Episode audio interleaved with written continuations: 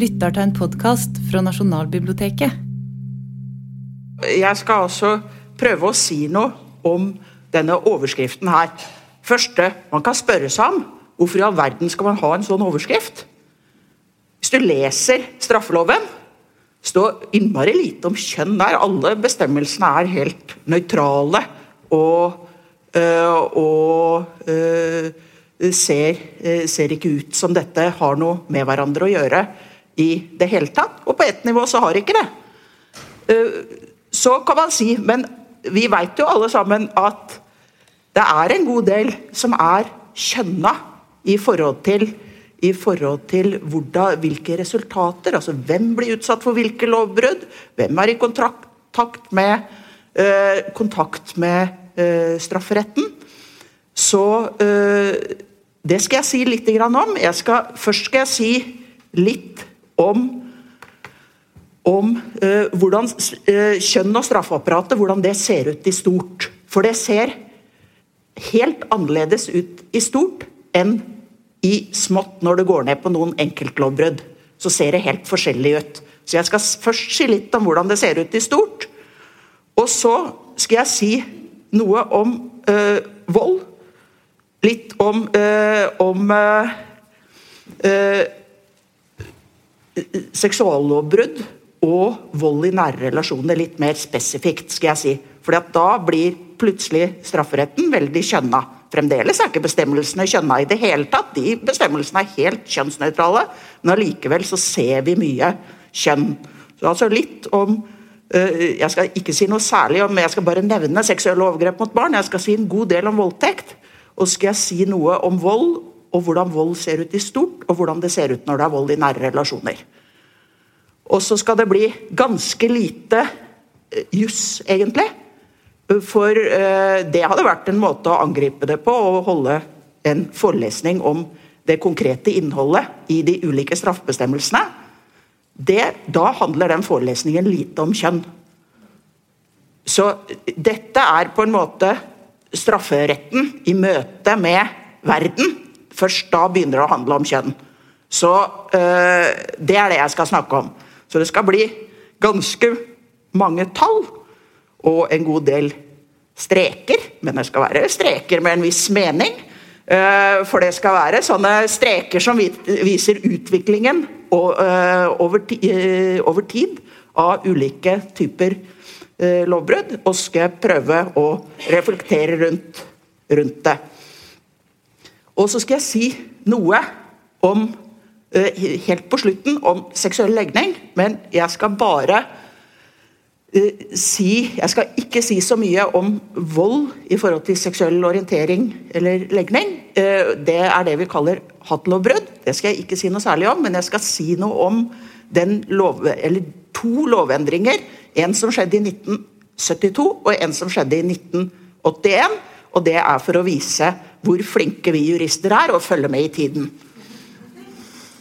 For da eh, skal vi se helt på slutten en veldig rask omveltning i lovgivningen. Men det blir litt helt til slutt. Og så Dette her kan hende går litt, eh, litt fort, noe av det. Eh, hvis noen skulle være interessert i å ha disse tallene her, alt er offentlig tilgjengelig. Det er stort sett bare SSBs tall. Det er noen omfangsundersøkelser jeg skal vise til. Ellers er det Statistisk sentralbyrås tall. Så det er bare å skrive til meg, så kan dere få de tallene hvis det går litt fort i svingen. Først, hvis vi ser på det i stort, hvordan ser det ut da? Hvem er i kontakt med straffeapparatet? Her har vi sikta personer etter kjønn. Og så er de grønne er menn, og de, den svarte streken er kvinner. Så er det litt grann variasjoner. Uh, vi har hatt en liten topp i uh, uh, lovbrudd Eh, for ca. ti år siden, og den er på vei ned nå. Så nå begås det generelt, både blant kvinner og menn, færre lovbrudd. Men sånn ser det ut. Hvis vi ser på straffereaksjoner, så finner vi eh, det samme. Det skulle bare mangle når det er så mange flere eh, sikta. Ser akkurat likt ut. Så, men litt forskjellig, eh, litt forskjellig tall, selvfølgelig, for det er jo ikke alle sikta som får en reaksjon. Så i all hovedsak er det altså menn som er begår lovbrudd, som eh, kommer eh, eh, og som får straffereaksjoner. Og da kan man selvfølgelig Her ser vi ubetinga fengsel. Da blir avstanden mellom linjene enda større. Det er svært få kvinner som dømmes til ubetinga fengsel. De aller fleste av dem dømmes til forholdsvis korte dommer. Det handler ikke om store forskjeller i kjønn, altså i den utmålte straffen, men det handler om at de begår veldig forskjellige lovbrudd. Og da kunne man, Når man ser dette, her, så kan man tenke seg ja, da er det kvinner som er ofre for alle disse lovbruddene som mennene begår. Men det er ikke. Her, hvis vi ser på ofrene Det er menn som både begår lovbrudd og blir utsatt for lovbrudd. Og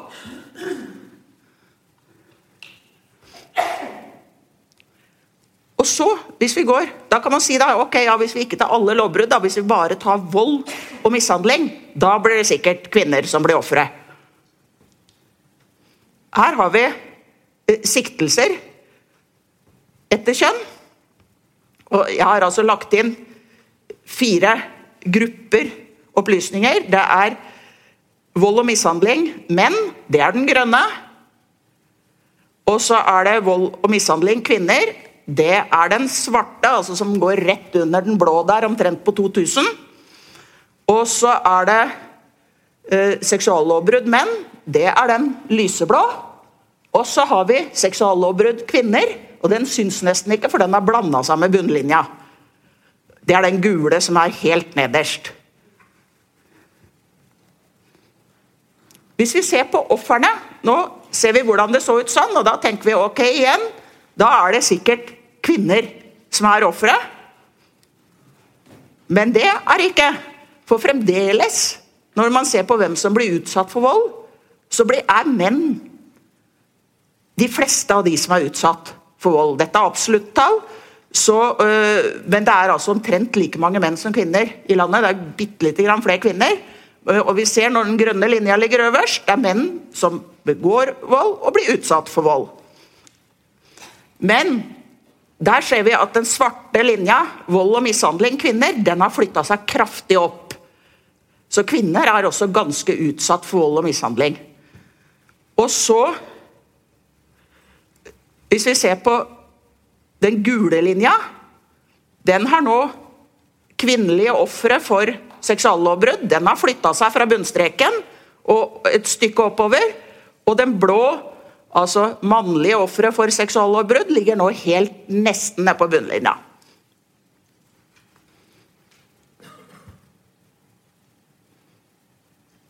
Her kan vi gå videre og se på, uh, se på, mishandling. og Der ser jeg på de bestemmelsene som er mishandling i nære relasjoner. 283 og 284 i straffeloven. Og her ser vi utviklingen over tid. De blå er vanlig mishandling i nære relasjoner, og de røde er grov mishandling i nære relasjoner. Så ser vi hvor mange etterforska lovbrudd det har vært. Og det har vært en ganske betydelig stigning. Har vi noen grunn til å tro at det er mer mishandling i nære relasjoner i 2016 enn i 2011? Det har vi selvfølgelig ikke, men det er gjort en betydelig innsats fra politiets side, fra offentlig, eh, andre offentlige myndigheter enn politiet, for å avdekke vold i nære relasjoner. Politiet har fått en mye strammere sånn, regler for hva de skal gjøre når de påtreffer tilfeller av vold i nære relasjoner. Det ser ut som det virker. Det blir anmeldt flere og etterforska flere tilfeller. Her er det hva som skjer med de sakene. Altså det var 2000 792 eh, saker i, eh, som var ferdig etterforska i 2016. Og av de så ble 2000 henlagt fordi at det mangla bevis. Og hvis vi ser de som endte med tiltale, så er det altså 628. Så selv om man har fått opp, fått opp eh, antallet anmeldelser, så er det fremdeles sånn at, at det er uh, forholdsvis få tiltaler relativt sett.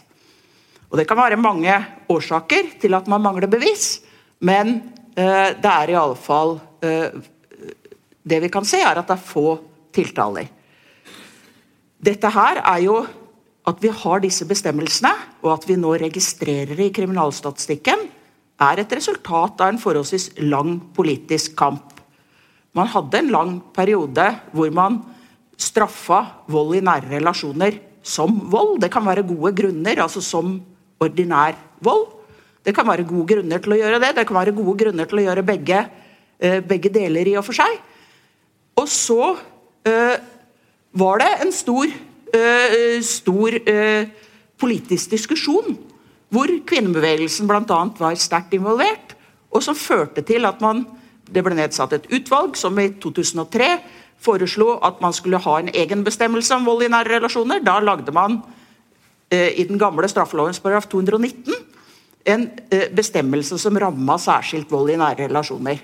Og Nå har den blitt splitta opp i straffeloven av 2005 i to bestemmelser. En for vanlig mishandling, og en for grove, eh, grovere mishandling, eller grov mishandling. Og disse tallene er på sett og vis et, et resultat av den lange og omfattende politiske diskusjonen først, men også en betydelig samfunnsinnsats. Samfunnet bruker veldig mye ressurser på vold i nære relasjoner. Man bruker ressurser på politi og straffesporet. Man bruker mange ressurser på krisesentre, eh, som fikk en egen lov i 2010. Og der alle kommunene er forplikta til å ha krisesentre. Altså ikke til å ha fysisk krisesentre hos seg, for det hadde vært veldig vanskelig for en del av de små kommunene, så de har interkommunale krisesentre. Men allikevel, det er nå en lovpålagt plikt å ha krisesentre. Og De tallene her er på sett og vis et resultat av, av uh, den eh, som både er en politisk kamp, men også har vært en betydelig innsats fra myndighetenes side. Det man skal være klar over, er når man For man ofte eh, Det jeg skal snakke om eh, i dag, altså vold og seksuelle overgrep, det er alvorlige straffbare handlinger. Men ofte så ser vi veldig mye på rettsapparatet når vi tenker på disse lovbruddene. Og vi er veldig opptatt av det straffesporet. Og opptatt av uh, at her skal det straffes. Og det er bare et fåtall av de sakene man, uh, som faktisk skjer, eller så, uh, altså de hendelsene som faktisk skjer, som kommer inn i straffeapparatet. Det kan det være mange grunner til. Noen vet ikke at de har blitt utsatt for lovbrudd. Det skal jeg vise et sånn omfangsundersøkelseeksempel på etterpå. Uh, noen ønsker ikke å uh, straffe. F.eks. ser man det ganske ofte i saker om vold eh, i nære relasjoner. Så har kvinner ulike grunner til at de ikke ønsker at ektefellen eller samboeren skal bli straffa. Og det har vært offentlig påtale i de sakene altså I saker om vold i nære relasjoner har det vært offentlig påtale siden 1988. Sånn at det er politiet og ikke kvinnen sjøl som bestemmer om det skal bli en straffesak. Men det er klart hvis kvinnen sier 'jeg nekter å vitne', så blir det sjelden noe sak. Da må du ha noen andre ganske solide bevis, som ofte ikke er i disse sakene. Så, så selv om det er offentlig påtale, så har kvinner en betydelig innflytelse over over det påtalespørsmålet. Og Det er altså en rekke ulike årsaker til at eh, lovbrudd ikke kommer i kontakt med straffeapparatet. Og også eh, at de ikke eh, fører til domfellelse. F.eks. så vi i stad det var 2000 saker som ble henlagt. Det er et strengt krav til bevis for å dømme noen i en straffesak. Og veldig ofte så vil ikke det være oppfylt. Jeg skal si bitte lite grann om noen, eh, noen uh, uh, undersøkelser som sier oss noe om et mer sånn totalomfang. Altså som tar blikket bort fra strafferetten og inn i eh, noe annet som gir oss et mer helhetlig bilde. Jeg skal si noe om SSB sine levekårsundersøkelser. Og så om to, eh, to, spesifikke undersøkelser. Den eh, som heter 'Vold og voldtekt i Norge', det er en nasjonal omfangsundersøkelse. Den eh, eh, som heter 'Vold og overgrep mot barn og unge', det er en eh, geografisk, det er en Oslo-undersøkelse. Det er en del av det Ung i Oslo-materialet som man har et kjempefint, stort datasett på. Som det gjøres gjøres, og det gjøres med jevne mellomrom, sånne Ung i Oslo-undersøkelser. Så det er et fint datasett med høy svarprosent. Så, men jeg vil også slå et slag for alle som er interessert i sånne ting. Gå på Statistisk sentralbyrås hjemmesider. Det er kjempeenkelt. Selv jeg får til å lage tabeller fra Statistikkbanken, og de lager fine tabeller for deg og akkurat de tallene dere vil. Og alt er offentlig tilgjengelig og kan brukes av alle. Her skal vi se på levekårsundersøkelsen, og det er 2015. Og her ser vi altså hvem har, utsatt, har vært utsatt for vold og trusler siste tolv måneder i alt. Og så ser vi på kjønnene. Noen flere kvinner enn menn når vi ser på vold og trusler. 3,9 mot 3,2 menn. Hvis vi bare ser på de som har vært utsatt for vold de siste tolv månedene, så ser vi hvem er de utsatt for vold fra. Og så ser vi at fra et familiemedlem er det nesten, eh, nesten likt på menn og kvinner. 11 og 13 eh, eh, prosent. Og så ser vi at Kvinner er sterkt overrepresentert på de, eh, på de eh, to gruppene som heter vold fra nabo, venn eller kollega, og vold fra klient, pasient eller kunde. Der er kvinner sterkt overrepresentert. Og så ser dere på mennene. Vold fra ukjent person. Der er mennene sterkt overrepresentert. Så menn og kvinner utsettes for veldig forskjellig vold.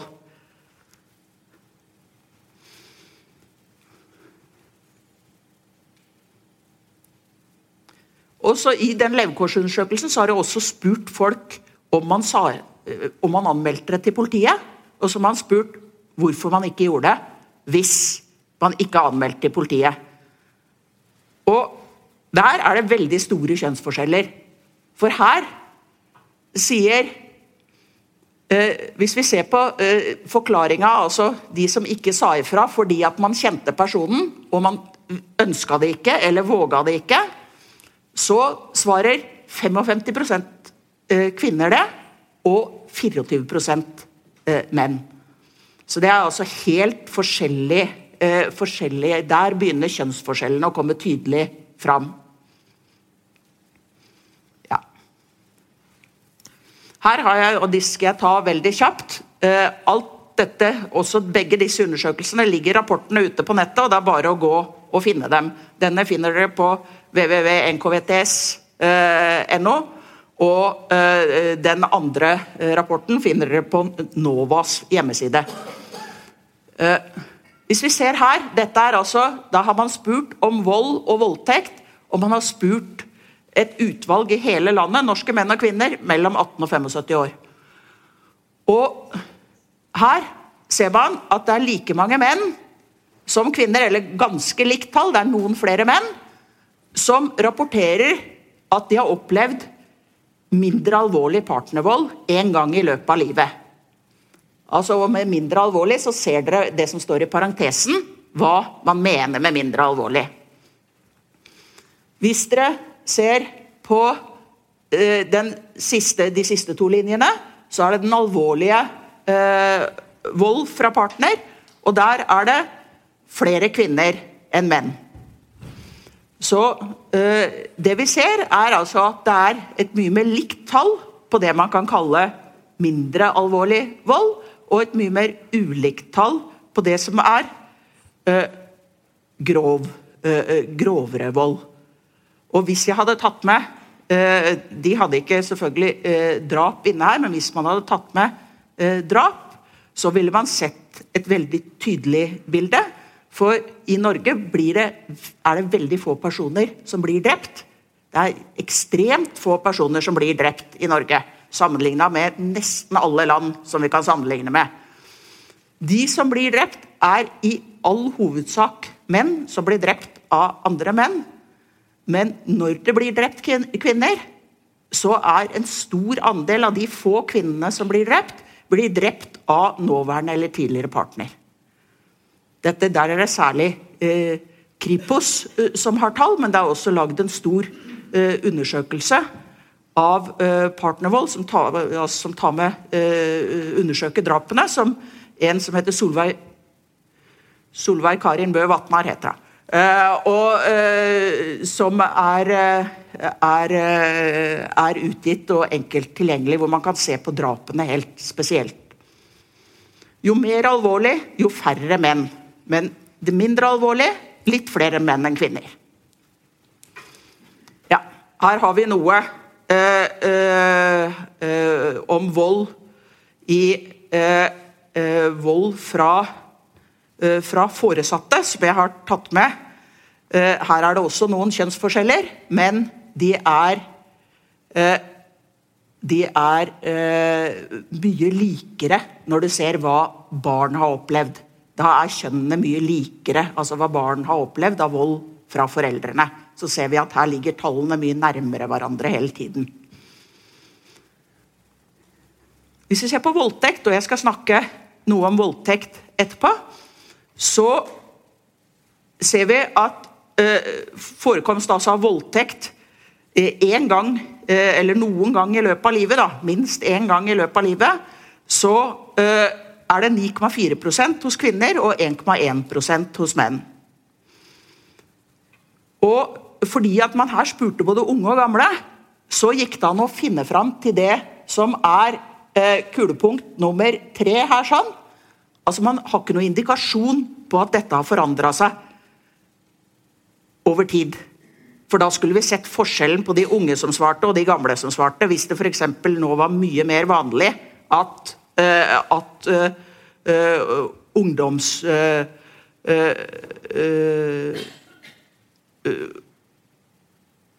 at man ble voldtatt, eller var mye mindre vanlig, som jeg har brukt som eksempel her, så skulle man sett forskjell på de gruppene. Det ser man ikke. Ja. Og dere ser også av de kvinnene som opplevde voldtekt, så var det mange som var veldig, altså som var veldig redde. Altså redd for å bli drept eller alvorlig skada under voldtekten. Og veldig mange, altså 29% som fikk fysiske skader. Få kvinner var til medisinsk undersøkelse eller fikk behandling i den første tiden etterpå. Og av de som svarte på dette spørsmålet, så svarte en tredjedel at de, dette var første gang de fortalte det til noen. Ja. Her er jeg over til eh, vold og overgrep mot barn og unge, altså en sånn Oslo, Unge i Oslo-undersøkelse, som eh, sier noe om hva disse ungdommene eh, som svarte. altså Det er 18-19-åringer eh, som har svart på spørsmålene. Eh, 4530 i alt. Og 21% oppgir å ha vært eh, utsatt for vold fra foreldrene. Og vi ser også eh, 8% som har sett eller hørt vold Eh, altså at, foreldre, eh, at det har blitt utøvd vold i hjemmet deres. Under uh, spørsmålet om seksuelle overgrep altså Her bruker de begrepet seksuelle krenkelser. Jeg vegrer meg litt for det, for jeg tenker at overgrep kanskje er litt sånn Derfor har jeg satt krenkelser i parentes, men det er det som rapportskriverne selv bruker. Jeg tenker at overgrep er det riktige. altså Dette er Eh, eh, er eh, det som det ble rapportert om, var alvorlige straffbare handlinger. Og de spurte om voldtekt på to måter. For det første så spurte de en rekke sånn detaljerte spørsmål. Har du opplevd det, har du opplevd det, har du opplevd det? Og så hadde de ett spørsmål for seg, hvor de spurte og, og de der spørsmålene som sa 'har du opplevd det', 'har du opplevd det', de dekka til sammen så dekka de definisjonen av voldtekt. Og så hadde de et eget spørsmål som var Har hun blitt voldtatt? Og hvis dere ser eh, så var det 10% av jentene og 2% av guttene som oppga eh, når de svarte på de detaljspørsmålene, at de hadde vært utsatt for sånne handlinger som dekkes av definisjonen av voldtekt. Og så når de ble bedt om å svare på om, eh, om de hadde vært utsatt for voldtekt, så var det 5% av jentene som svarte ja, og 1% av guttene. Så de vet ikke at de har vært utsatt for en alvorlig straffbar handling. De tror det er noe annet som har skjedd. Og det er egentlig en veldig eh, Det er en veldig sånn øh, øh, øh, grei måte å gjøre det på, fordi det avklarer og forteller oss også noe om forståelsen av, av bestemmelsen. fordi at du må på en måte klare å kjenne igjen deg selv. altså Det er jo ingen som går og leser nå har jeg vært utsatt for noe, og så leser de i straffeloven for å se om det er straffbart. Og øh, åpenbart så er det en stor jobb å gjøre med disse ungdommene for at de skal forstå hva som er voldtekt. Altså hva som er en straffbar voldtekt. Ja.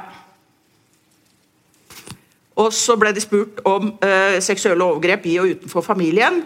Og eh, 23 eh, svarte av alle svarte at de hadde opplevd minst én form i løpet av oppveksten. Her var det store kjønnsforskjeller. Det var 30% av jentene og 11% av guttene. Og eh, Så skal jeg gå litt videre og se på eh, voldtekt. Her har det skjedd betydelige endringer de siste 50 årene. Og f.eks. så har det skjedd Voldtekt i ekteskapet ble ikke straffa som voldtekt etter voldtektsbestemmelsen før i 1974. Da avsa Høyesterett den dommen som det står referert til der. Og, øh, og da, før det så man straffa uh, i en del saker voldtekt, men man straffa bare volden. Man straffa ikke uh, altså Man ble dømt for å ha overtrådt en voldsbestemmelse, ikke for å ha overtrådt voldtektsbestemmelsen. Det er en stor endring. Da var det mange saker som ble inkludert i voldtektsbestemmelsen. Det har vært heving av minstestraff i forskjellige runder. Spørsmålet om minstestraff er et eh, omdiskutert tema. Det er eh, både, eh, både eh, Så kan man argumentere på den ene siden at det fører til at man får opp straffenivå. På den andre siden eh, så hevder noen at det fører også til, hvis minstestraffen blir for høy, så kan det føre til uriktige frifinnelser. For da sier eh, ikke så mye dommerne, det sitter to dommere her, så jeg tør ikke å snakke noe særlig stygt om dem. Så, eh, men da sier, eh, sier øh, sier man da at da kan det føre til særlig at legfolk syns altså ikke-jurister som deltar i rettsbehandlingen, at de syns at straffen blir for streng hvis minstestraffen er for høy. Så da frifinner man heller enn å dømme. Det er et argument. Vi har ikke veldig god empirisk dokumentasjon, men det er et argument som har vært oppe i denne diskusjonen. Men vi har ikke veldig god empirisk, eh, empirisk dokumentasjon på dette her. Men vi har i alle fall sett heving av minstestraffen, og vi har også sett noe som er helt uvanlig i norsk rett, nemlig at i forarbeidene til eh, den nye straffeloven så står det angitt hva som skal være normalstraffenivået for en voldtekt. Det er eh, nesten eneste lovbruddstypen hvor dette eh, Nå rister de på huet igjen, så nå eh, skal jeg passe munnen min. Men det er iallfall ikke det må vi være enige om, Kristel, det er ikke en vanlig lovgivningsteknikk at man angir, eh, angir straffenivået på den, eh, på den måten. Uh, og, uh, og, der har man sagt at normalstraffenivået at det er sånn ca. fire år. Og det har ført Jeg har ikke med de straffetallene, uh, nå, men det hvis du ser på antall dager utmålt ubetinga fengselsstraff for voldtekt, så stiger det langsomt. Det har vært en villa politikk. Det er ikke bare voldtekt som straffenivået har økt til. Straffenivået har økt for drap de siste 20 årene. Straffenivået har økt for voldslovbrudd de siste 20 årene. Så det er en del også av noe større. Og det kan vi se, og det er også veldig lett å se av SSB sine tall. Det er bare å ta alle dager ubetinga fengsel og dele på de som er dømt. Så finner man det tallet veldig lett. Vi har fått nye handlingsalternativ eller former for voldtekt inn i voldtektsbestemmelsen. Det har skjedd de siste uh, årene. Og vi uh, har nå fått en egen straffbestemmelse for grov og aktsom voldtekt. Alt dette her har skjedd etter til dels betydelig uh, også politisk diskusjon. Ja, jeg skal ikke ta straffebestemmelsen. Den har jeg med. Men jeg skal si noe om, om hva som har vært diskutert. Hva som har vært oppe i diskusjonen rundt voldtekt. For det første, hvor mye skal til? Graden av vold. Hvor mye skal til? Det skal etter norsk rett ganske lite vold til før det blir definert som voldtekt. Det skal ikke mye vold til. Men det har også vært en diskusjon hvor mye skal til. Spørsmålet om grov uaktsomhet det har reist stor diskusjon. Er det rimelig å straffe for grov uaktsomhet? Og Det har vært to argumenter inne. Altså For det første om det er rimelig. Normalt er det at vi krever forsett. Altså man, Enkelt sagt, man må ha gjort det med viten og vilje. Og så med grov uaktsomhet så sier vi nei, det burde du ha skjønt. Det er den enkle måten å si det på. Det er vurderingsnormen, da. Gjorde du det med viten og vilje, eller burde du ha skjønt at det var det du gjorde? Og så er diskusjonen er det rimelig å straffe de uh, burde, uh, burde, du ha skjønt, altså den grove uaktsomheten. Det er ikke så vanlig, men det er heller ikke sånn kjempeuvanlig uh, at at man blir straffa for grov uaktsomhet, f.eks. ute i trafikken så blir vi jo straffa for grov uaktsomhet. Hvis jeg f.eks. Uh, kjører på noen i et fotgjengerfelt, og uh, fordi at jeg har vært uaktsom eller uoppmerksom, så uh, kan jeg bli straffa for grov uaktsomhet.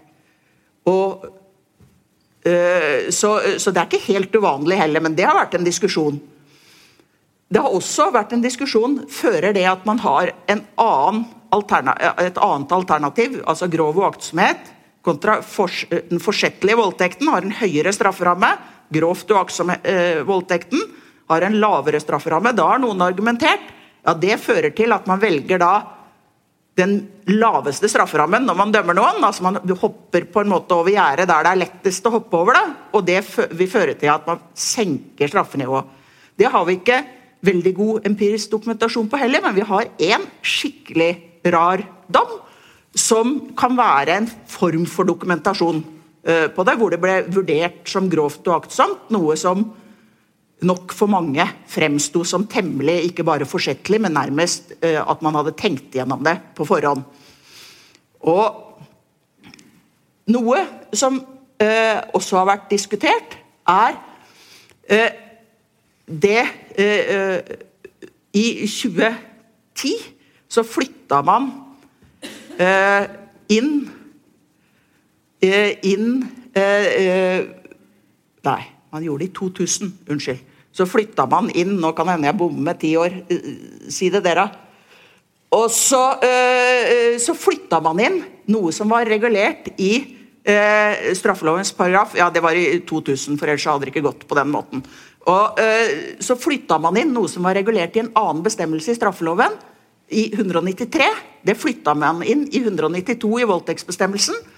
Om, øh, øh, og det er altså øh, ha seksuell omgang med en som ikke er i stand til å motsette seg handlingen, kan vi si. Altså Stort sett så er det sånn fyllevoldtekter, der noen er så rusa eller berusa at man ikke er i stand til å motsette seg handlingen. Det har det vært en diskusjon om. Ofte er disse, er disse situasjonene to ungdommer som er veldig fulle. Det er øh, det som er situasjonen i mange av sakene. Ikke alle, men i mange av dem kan det være sånn. Og da har det vært en diskusjon rundt det. Er det rimelig?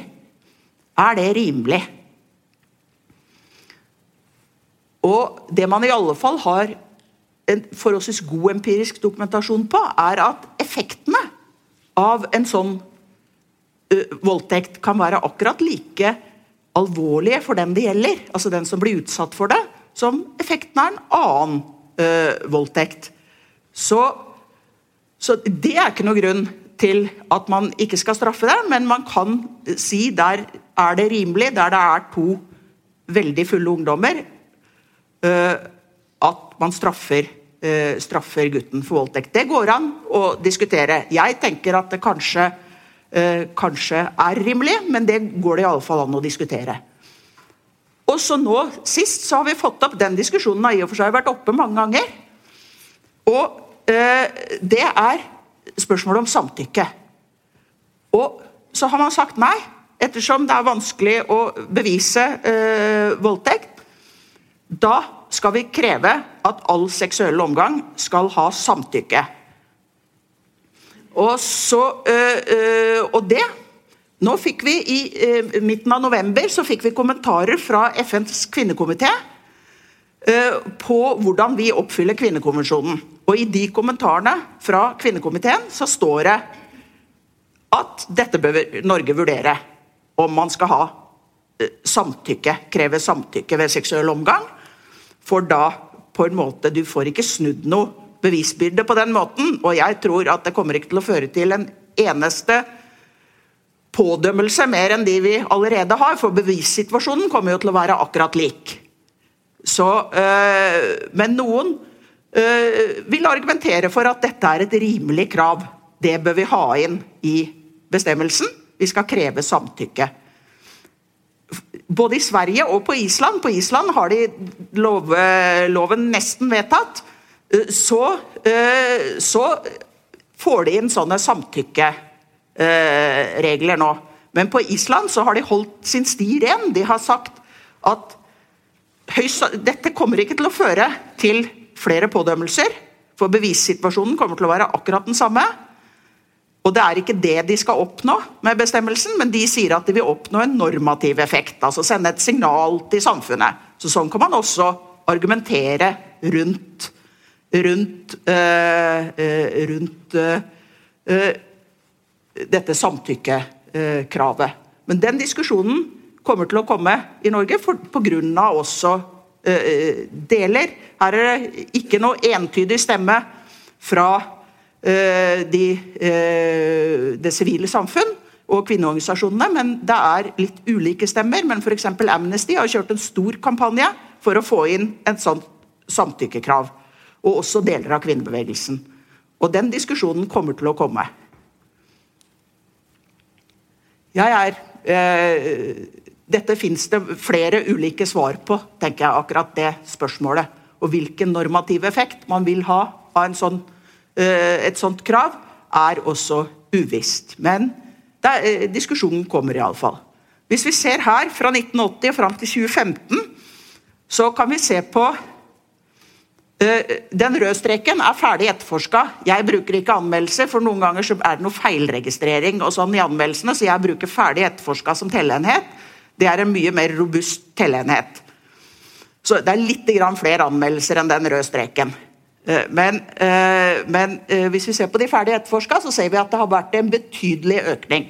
Dette har stått i alle utredninger som har hatt noe med det å gjøre siden 1980, at det er en ønska effekt, den har man på sett og vis eh, oppnådd.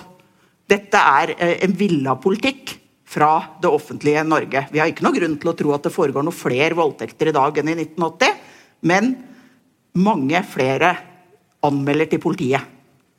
Det blir straffesaker av mange flere av voldtektene.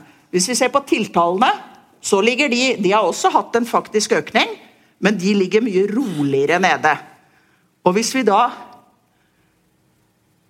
tar tiltaleprosenten Altså, da tar jeg bare prosenten øh, øh, Prosenten mellom de to linjene, da. Altså, øh, hvor mange prosent av de ferdig etterforska ender med tiltale, så ser det sånn ut. Og da har vi altså i perioden hatt en kraftig nedgang i tiltaleprosent. Så nå er det eh, Jevnt over har det vært i flere år. Det er til og med ett år av det, de spisseste eh, der nede, så var det nede i 14% men at det har ligget 17-18% Der har tiltaleprosenten ligget. Det er jo ganske, eh, kan man si, omfattende.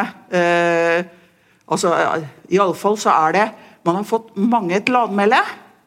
Og så Det som skjer, er noe etterforskning, og så skjer ikke noe mer. Det er en stor avstand, antagelig, både mellom den villa politikken For dette er ikke villa politikk. Eh, men det er også eh, en stor avstand for de som opplever dette her. Altså at de går til politiet som de blir oppfordra til, forteller om det, og så opplever de at det ikke skjer noe. Eller at det skjer lite i saken. Det blir ikke noe straffesak ut av det.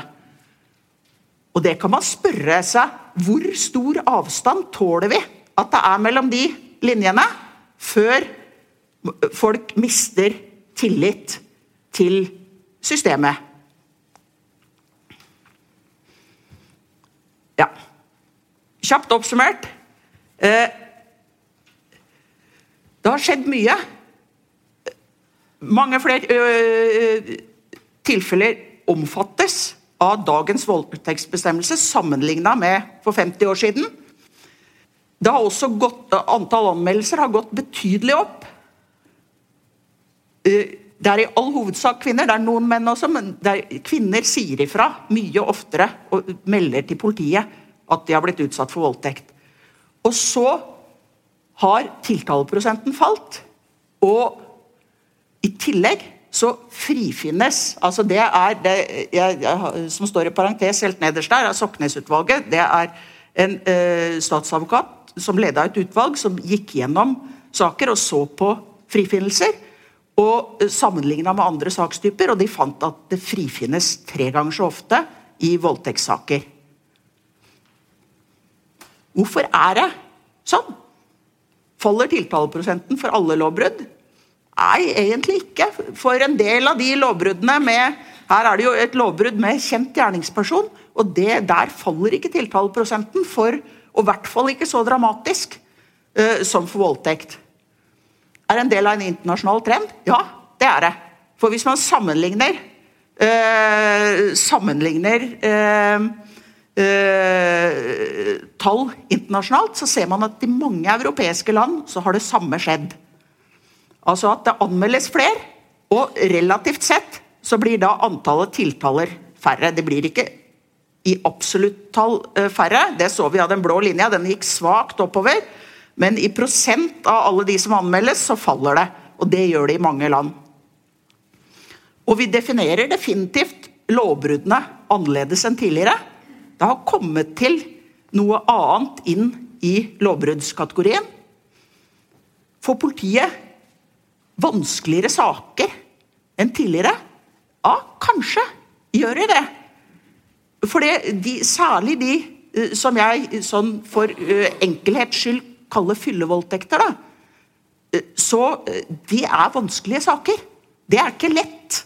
Det er de, eh, de som er vitner, er ofte ungdommer som har vært sanseløst berusa. Og de som var involvert, det er ungdommer som har vært sanseløst berusa. Du har ikke noe annen dokumentasjon.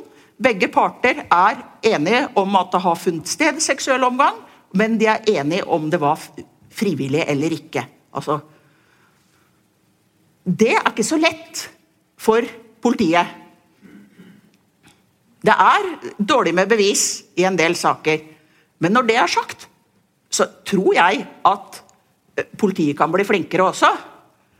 For det er, eh, det er fremdeles betydelige mangler ved etterforskningen av en del voldtektssaker. F.eks. i narkotikasaker så bruker man helt systematisk så bruker man eh, Og det har uh, iallfall til en viss grad samme strafferamme. Og man bruker f.eks. telefonavlytting. Det bruker man ganske systematisk i narkotikasaker. I voldtektssaker er det tre-fire stykker man har brukt det i. Og man kunne tenke seg at det kunne være et helt relevant og fint etterforskningsskritt. Sørger man for at folk kommer eh, De eh, voldtektsmottakene som finnes rundt på legevaktene, de har blitt flinke. Men det forutsetter at folk kommer dit i tide. Eh, det er en forutsetning at det blir brukt tid, tid og krefter på å samle inn flere bevis enn de to forklaringene som vi i utgangspunktet vet at er motstridende. Så Det er sikkert noe politiet kan gjøre her, men politiet har også en vanskelig jobb, og det skal vi ha en viss respekt for. At de kan, de kan ikke trylle, på en måte. De klarer ikke å trylle fram bevis der det ikke er. Og, øh, så de har fått, ved å få mange sånne saker, en litt vanskeligere jobb. Men jeg er helt sikker på også at de har litt å gå på. Det tror jeg vi alle har. At alle kunne få til å gjøre en litt bedre jobb i det vi nå enn jobber med. Og det er jeg helt sikker på at politiet kan få til her også.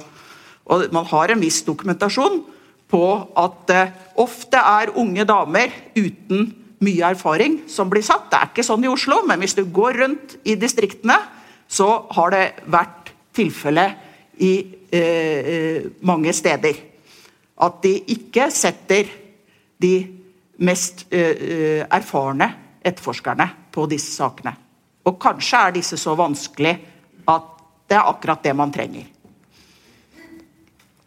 Sånn. Da skal jeg ta uh, bitte lite grann uh, til slutt. Altså, jeg har ikke uh, Dere kan i og for seg få lov å stille spørsmål uh, hvis dere skulle ha noen.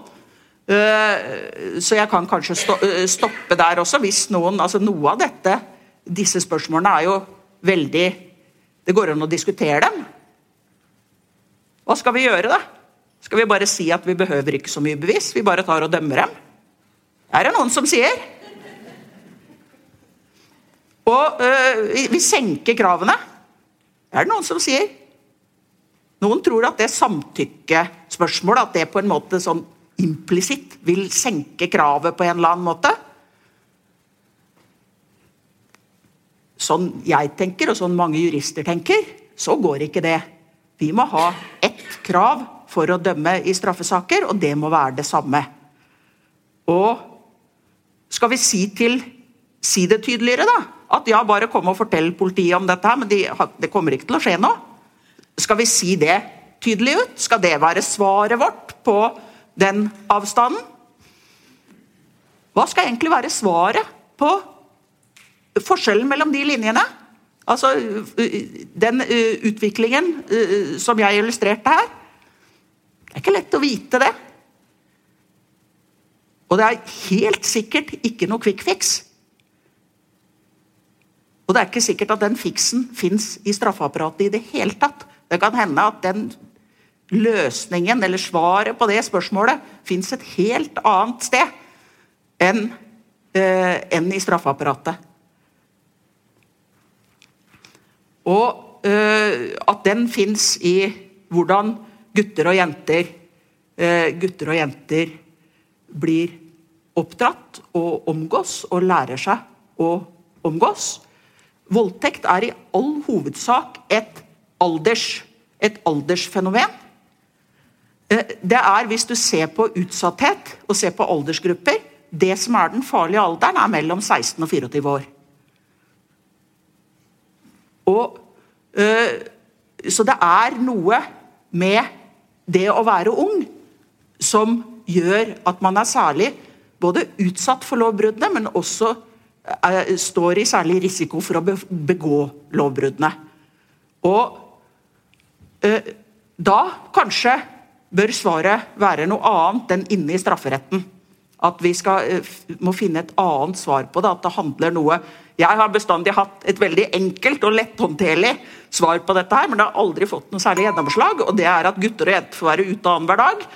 Og øh, øh, men det har jeg aldri fått noe sånn videre gehør for. Men det mener jeg ville vært en effektiv, effektiv løsning. Og For det er noe med det der å være ungdom og være ute. Og og det er noen av disse sakene kommer inn i retten også. Altså Det normale er at disse ungdommene helt frivillig har seksuell omgang med hverandre. Sånn at det er å klare å skille ut når det var frivillig og når det ikke var frivillig, det kommer man aldri sånn ordentlig til å få til. Det er kjempevanskelig. Så kan, hvis man kunne få lært de ungdommene om hvor grensene gikk, så hadde antagelig det vært veldig mye eh, bedre for for eh, eh, for både de som blir dømt, og de som blir utsatt for voldtekt. Og jeg tror ikke at de to dommerdamene som sitter der, de kommer aldri til å klare å løse det. De kommer ikke til å klare å løse dette her inne i rettsapparatet. De skal selvfølgelig Anmeldte saker skal tas alvorlig og etterforskes og pådømmes som alle andre straffbare handlinger. Men det er noe som antagelig rettsapparatet er skikkelig dårlig egna til å, å uh, løse. Og uh, jeg uh, Jeg tenker nok, og det er jo veldig sånn trist at jurister driver og sier det der. Det, men stort sett så er juristene de minst optimistiske i forhold til hva straffeapparatet kan løse. Og så er de alle andre mye mer optimistiske på straffeapparatets vegne enn eh, en, eh, en juristene og kanskje enn kriminologene også. Da. Så, altså Der vi har tall, er eh, en eh, rapport fra eh, analyseavdelingen i Oslo politidistrikt, hvor de har gått hjem, eh, gjennom saker i Oslo. Den heter 'Voldtekt i Oslo'. Der syns jeg de skriver litt av hvert eh, som jeg ikke er helt enig i. Blant annet så forlater de den rettslige definisjonen av voldtekt og opererer med en helt egen definisjon av voldtekt, som jeg syns er veldig rart at politiet kan tillate seg. Eh, men, eh, men, vi veit noe om det, for de har sortert sakene. Så, eh, og det har kommet inn mange flere sånne sånn sove-fylle-voldtekter. Og de sakene er vanskelig bevismessig. Det er helt åpenbart. Så så jeg tror at en av forklaringene for at det ser sånn ut, er at vi har utvida bestemmelsen. Det har vært riktig nok, det, i og for seg, og det har vært politisk enighet om dette her. Men eh, dette er en konsekvens. Og så har man jobba masse med å få uh, uh, kvinner og jenter til å anmelde. Og så blir dette en sånn konsekvens av det som man ikke forutså. Nemlig at da forlater de kurvene hverandre. Det blir eh, kjempestor avstand mellom de kurvene. Og, og, Det tror jeg er en, del av forklaringen. Og, det, og, Man ser det i mange land. Og, uh, for det samme har skjedd med lovgivningen i mange land. Da skal jeg si litt om, øh, om øh, seksuell legning. Og jeg skal egentlig bare si noe om en lovendring i 1972 og en i 1981. Og så skal jeg ikke si noe om alt det som har skjedd etter 1981 med felles ekteskapslov, og nå har til og med eh, Kirken klart å samle seg, så de har funnet fram til, eh, funnet fram til et felles eh, kirkelig ritual osv. Eh, hvis vi ser på seksuell legning, så var jo ikke det noe sånn veldig omskrevet i, i norsk rett, men det har vært et forbud eh, mot eh, eh, homofili har vært i norsk rett i veldig mange hundre år. Altså helt siden eh, kristenretten i Gulatingsloven. Unnskyld.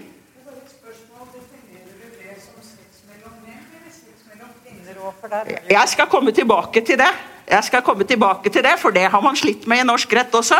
Så uh, her, De vi har av eksempler fra kristenretten og fram til den første kriminalloven vi hadde fra 1842, altså den første ordentlige straffeloven, det var menn. Det er de eksemplene man har. Og det ble, altså Dette forbudet fra kristenretten ble opprettholdt gjennom ulike altså Den kristenretten er vår første skrevne norske lovgivning. Det er Gulatingsloven. Og så ble det opprettholdt i ulike varianter. Og så fikk vi den første, første egentlige straffeloven, den som het kriminalloven 1842. Og den hadde en bestemmelse som satt straff for omgjengelse eh, mot naturen. I all hovedsak så ble det definert som analsex mellom menn. Det ble i uh, all hovedsak definert så snevert, men vi har en periode, noen dommer, på 1860-tallet særlig, der også kvinner uh, ble dømt. Det var noen få kvinner som ble dømt. For det står jo ikke noe om menn og kvinner i den omgjengelse mot naturen. Der uh, står det ikke noe om kjønn. Og noen, noen kvinner ble dømt. Mange av de dommene hadde ganske klare elementer av overgrep i seg. At det var, eh, eh, at det var eh, husfrua som eh, hadde eh, seksuell omgang med tjenestejenter. Altså noen man var i kraftig maktforhold i forhold til. Så de hadde, hadde no, mange av de sakene et tilleggselement til den seksuelle omgangen. Og så begynte man å diskutere, og man diskuterte lenge før 1902, når man skulle lage en ny straffelov. Og han som, eh, Bernhard Getz, som var den som eh, lagde på en måte den nye straffeloven som kom i 1902, han var en veldig eh, moderne og opplyst mann. og Han dro rundt på en stor reise, eller flere reiser egentlig, i Europa og så hvordan de gjorde det i andre land. Og i utgangspunktet så var nok hans forslag at man ikke skulle ha noe forbud i det hele tatt. Og så kom diskusjonen skal man ha bare menn, eller skal man også ha kvinner inn i eh, bestemmelsen. Eventuelt skal man ha to forskjellige seksuelle lavaldere. Det har ikke vært uvanlig opp gjennom tidene i mange forskjellige land at man har én seksuell lavalder for heterosex og én mye høyere enn for homosex. Det diskuterte man. Og så, og det var til og med ganske morsomt når de diskuterte det i Stortinget. Han som var statsråd, han het Kvam. Og så han sa i Stortinget når de diskuterte dette her med kvinner og menn, så sa han at nå trodde nok ikke han at dette her fantes. Uh, at uh, kvinner dreiv på sånn. Men hvis det nå skulle være sånn at det fantes, så var det aller best å ikke snakke om det. Og i hvert fall ikke skrive det inn i loven, sånn at åpenbart flere kunne komme på ideen. da. Så det er jo ofte der folk går for å komme på ideer om hvordan de skal leve livet sitt. Så, men, eh, men det, det, er en veldig sånn morsom, eh, morsom passiar i det som heter Stortingstidene, der eh, jo forhandlingene er gjengitt ordrett, hvor de har spørsmål og svar rundt dette kjønns... Om det skulle gjelde både kvinner og menn. Og så endte man opp med at man bare satt straff for utuktig omgjengelse eh, mellom eh, personer av mannskjønn. Altså Man endte opp med en bestemmelse som bare ramma menn. Og så kan man spørre seg Noen sa var det en sovende lov. Det har man undersøkt. Og det To-tre personer hvert eneste år ble dømt for brudd på 213. Det var antagelig tilstrekkelig til at uh, særlig homofile menn, men også lesbiske kvinner, var ganske redde opp gjennom uh, fra 1902 og oppover. Og at uh, veldig mye foregikk i, i, i skjul. Og vi har sett nå til Russland og sånn og tenkt hvor fæle de og Putin er så fæl, og han har lagd forbud mot organisasjoner osv. Det var et en diskusjon i 1953 eh, i Norge hvor bl.a. samtlige landets biskoper var veldig ivrige og ville absolutt ha uh, forbud mot uh, organisasjoner. For, for, da hadde man i 1948 fått uh, Det norske forbundet av 1948, som var en interesseorganisasjon for lesbiske homofile. Og Dette var det mange som syntes var opprørende, og man burde ikke få lov å ha sånne organisasjoner. og I 1953 så var det et forslag oppe. og men da var eh, DNF F-48, og det er det, vet du, med eh, de lesbiske homofile. De er jo skikkelig stinn av gryn. Så eh, de tok og hyra inn eh, høyesterettsadvokat Johan B. Hjort, som førte saken for dem, og kjørte den saken helt i senk Så det forslaget eh, ble aldri fremma. Og det var nok mye eh, det lure trekket å hyre inn, hyre inn Hjort til å fremme saken. En mann som også hadde betydelig anerkjennelse i, uh, i uh, samfunnet. Ja. Og så ble bestemmelsen oppheva i, i 1972. Eh, da etter et langt politisk arbeid. Og så er det det som er morsomt. Etter Altså ble oppheva i april i 72. Og i mai i, i eh, 81 så fikk man en bestemmelse. Så man gikk fra, fra at det var straffbart i 72 fram til april i 72.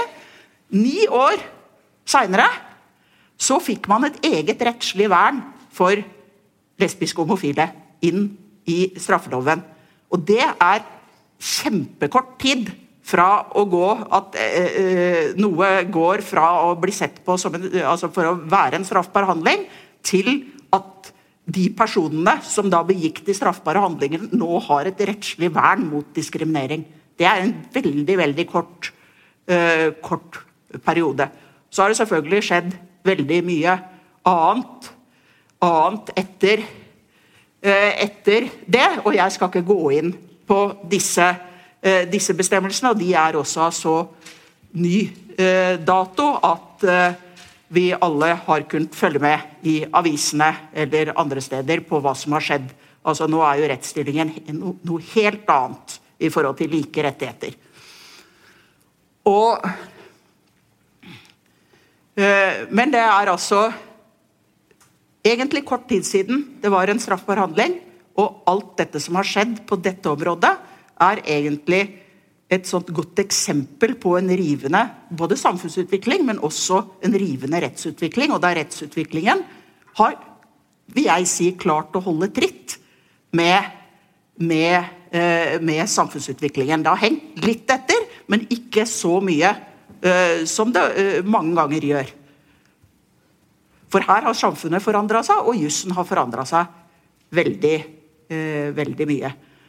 Og så, Derfor skal vi, tenker jeg, når vi ser dette, at det har skjedd hos oss, så skal vi, eh, skal vi også tenke på det når vi Ja, ja, man skal være kritisk mot alle de landene som har, har annen lovgivning, og lovgivning vi er uenig i. Men på den annen side, vi skal ikke se oss så veldig langt over skulderen før vi ser oss sjøl. Før vi ser disse her eh, F.eks. de sånn smitte, smitteteoriene. Det er jo det som gjør at du får, uh, du får en høyere aldersgrense.